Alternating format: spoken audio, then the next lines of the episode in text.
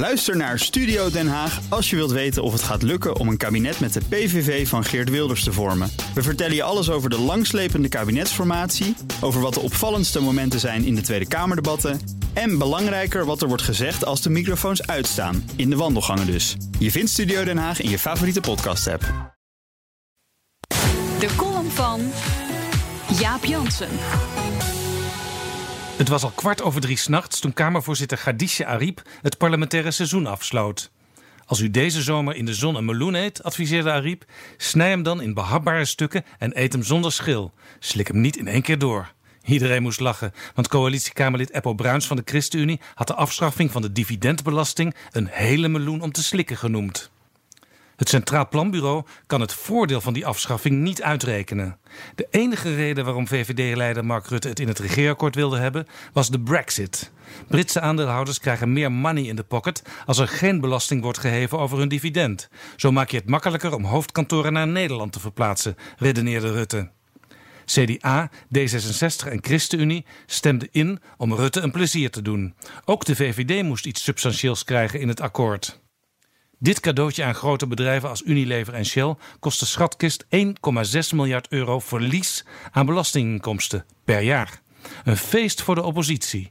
GroenLinks, SP en Partij van de Arbeid verdringen zich dagelijks bij de interruptiemicrofoon en zelfs de SGP doet mee.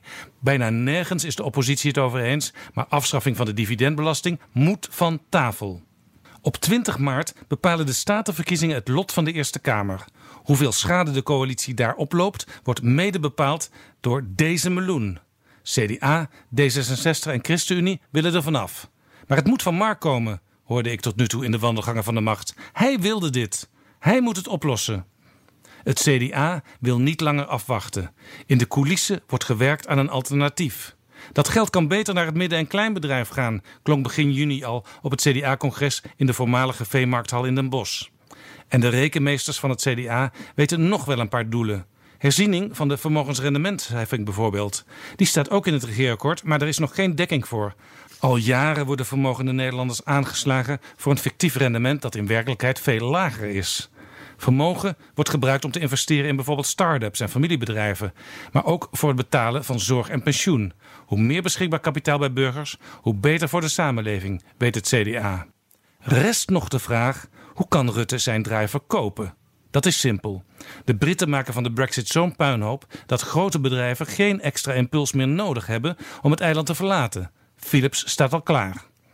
Toen Wopke Hoekstra nog net geen minister van Financiën was, maakte hij vanuit zijn expertise als partner bij McKinsey binnen het CDA bezwaar tegen afschaffing van de dividendbelasting. Hij zag er niks in, ook al had hij vroeger voor Shell gewerkt.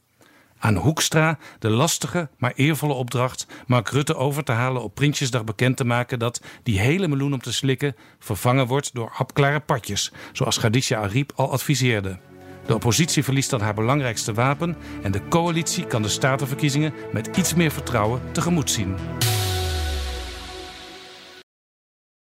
Ook Hugo Reitsma vind je in de BNR-app. Superhandig die BNR-app. Je kunt alle programma's live luisteren, breaking nieuwsmeldingen. Je blijft op de hoogte van het laatste zakelijke nieuws. En je vindt er alle BNR-podcasts, waaronder natuurlijk de belangrijkste, Boeken zijn in de wijk. Download nu de gratis BNR-app en blijf scherp.